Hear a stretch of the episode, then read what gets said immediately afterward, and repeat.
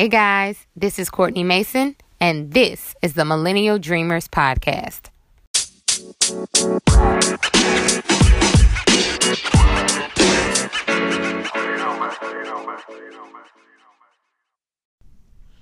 Hey, hey, I hope all is well since the last time I dropped into your earbuds. And uh, man, oh man, it has been quite a week um, this past week since uh, the start of April. And uh, that is due in large part to the very unfortunate news that we learned of, I believe it was on March 31st that a young man by the name of Ermias Asghedom, who is affectionately known and widely known um, on an international level as rapper, activist, and entrepreneur Nipsey Hussle.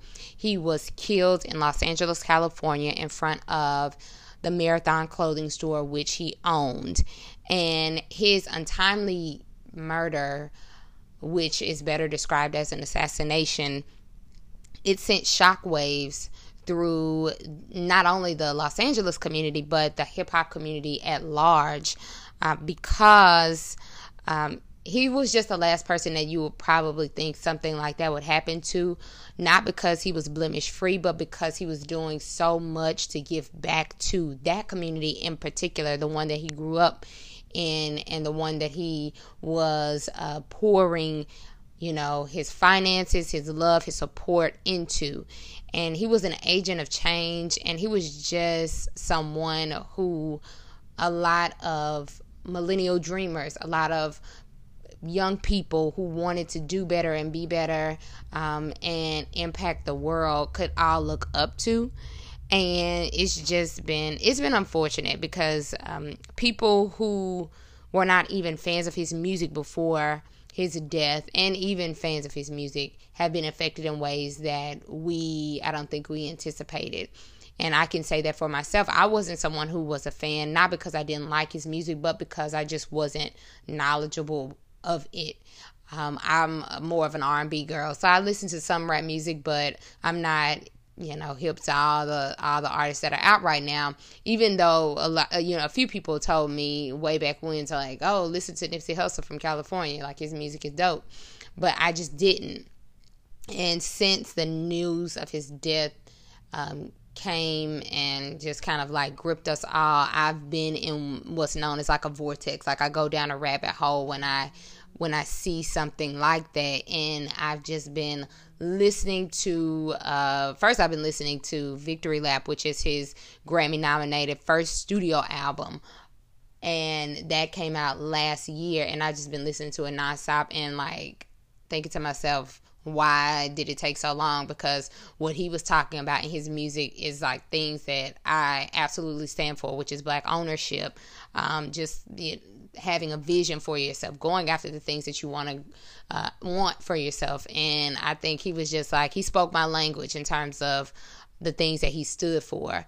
And he was authentic and he just seemed real. And I've watched a number of his video his interviews and videos and just read tons and tons of articles. And now I just feel almost cheated that I didn't know about him longer. But I just to think it's it's just a really sad thing to know that someone like that was taken you know so unnecessarily from the community uh you know or just just t- taken away from his family and friends and all that loved him and fans and supporters for no reason, for just, you know, stupidity. And so, um, in that, I just wanted to find the light in it. And for anyone who might not be as familiar or you just didn't go down the rabbit hole like I did, I wanted to um, have what I what may have been an interview had I had an opportunity to really just reach out and maybe I, he could have been on the Millennial Dreamers as a featured guest. Who knows? But since I didn't have that opportunity, I wanted to to create that interview myself and I did that a la Kendrick Lamar into Pimp a Butterfly, uh, specifically Mortal Man when he had his interview with Tupac and was able to have uh, some questions that he may have wanted to have answered. And so um, that's what I did. And I think um, it's important to highlight the good and the words of wisdom that he had and he shared. So, um, that's what I did. I had my interview, my conversation with none other than Nipsey Hussle, and I hope you enjoy it. So, without further ado, let's get into it.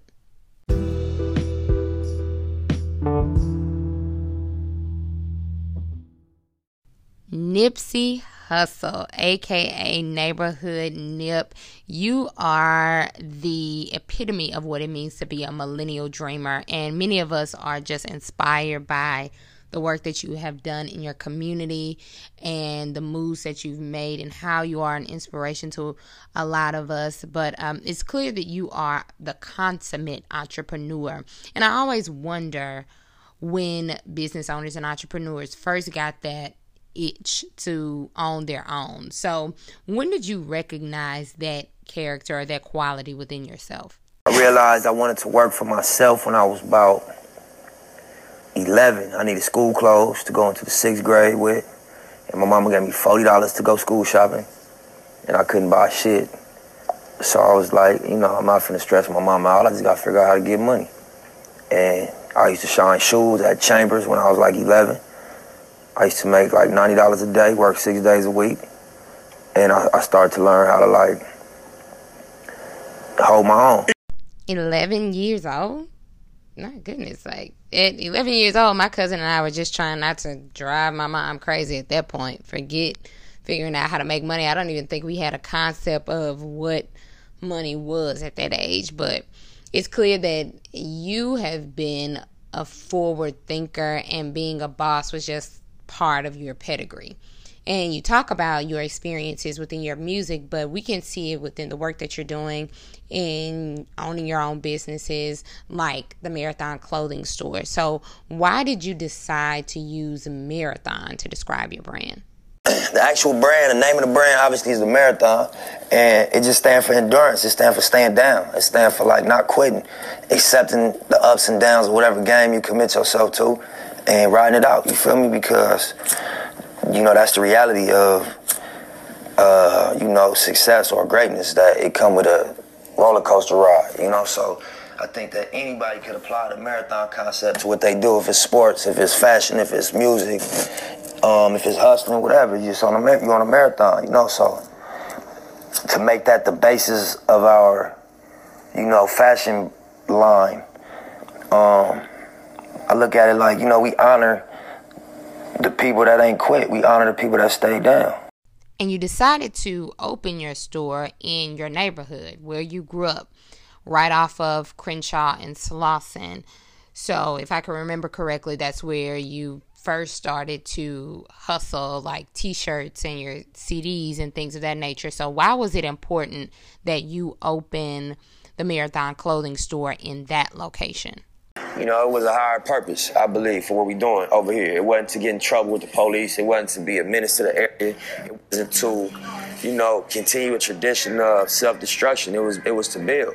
And so all the obstacles and everything we went through for being misjudged and misunderstood, um, you know, it didn't stop us. You know, it did. It wasn't. It wasn't a brick wall. It was a speed bump. You know, and it was. And I embraced it as, as you know, the resistance, the gravity of trying to do something great. You know? Did you ever think any of this was possible, like the success that you've had? Because I can imagine that sometimes it may have been hard to see the forest for the trees. One thing I noticed about myself when I when I like, uh, I think you know thoughts is powerful in yeah. all facets. Because even my career, even my life, you know, things end up turning out exactly how I visualized them. Yeah, man. I mean, thoughts really do become things. And if we really took the time to visualize what we want for ourselves, we could probably live the unconventional lives of our dreams.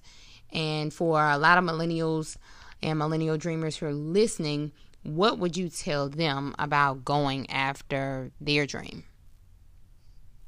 Man, most important thing number one is you got to get rid of doubt. If you got doubt in what you're doing, it's not going to work. You know what I'm saying? And the way to do that is you have a plan. Because if you got a plan, it's not like just a pipe dream. You have a step-by-step list of things to do to get to your goal.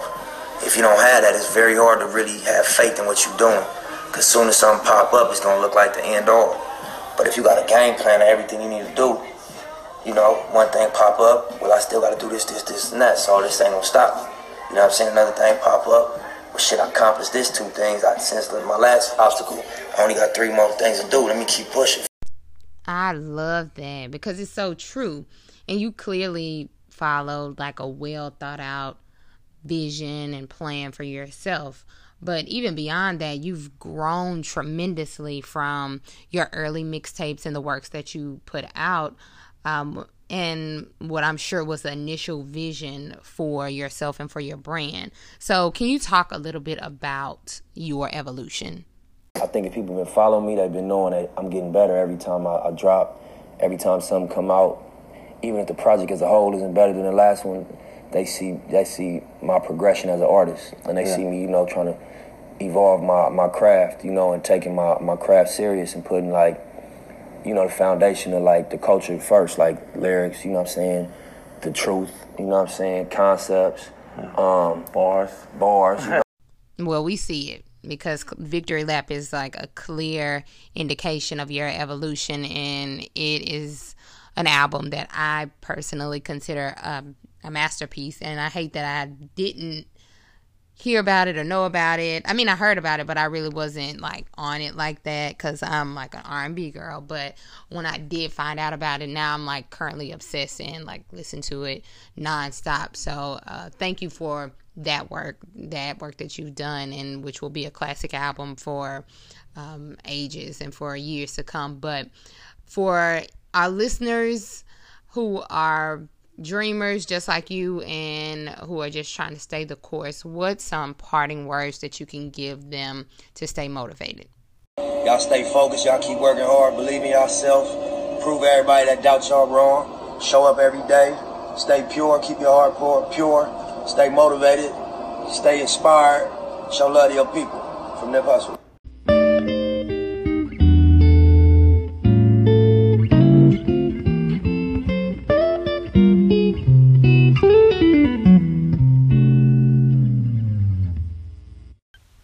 Thanks so much for listening to this week's episode. If you have any ideas you'd like me to discuss on the podcast, send me an email to millennialdreamerspodcast at gmail.com. Again, that's millennialdreamerspodcast at gmail.com. I look forward to hearing from you. Oh, and hit the subscribe button. Talk soon. Peace. The podcast you just heard was made using Anchor. Ever thought about making your own podcast? Anchor makes it really easy for anyone to get started. It's a one stop shop for recording, hosting, and distributing podcasts. Best of all, it's 100% free. Sign up now at anchor.fm slash new. That's anchor.fm slash new to get started.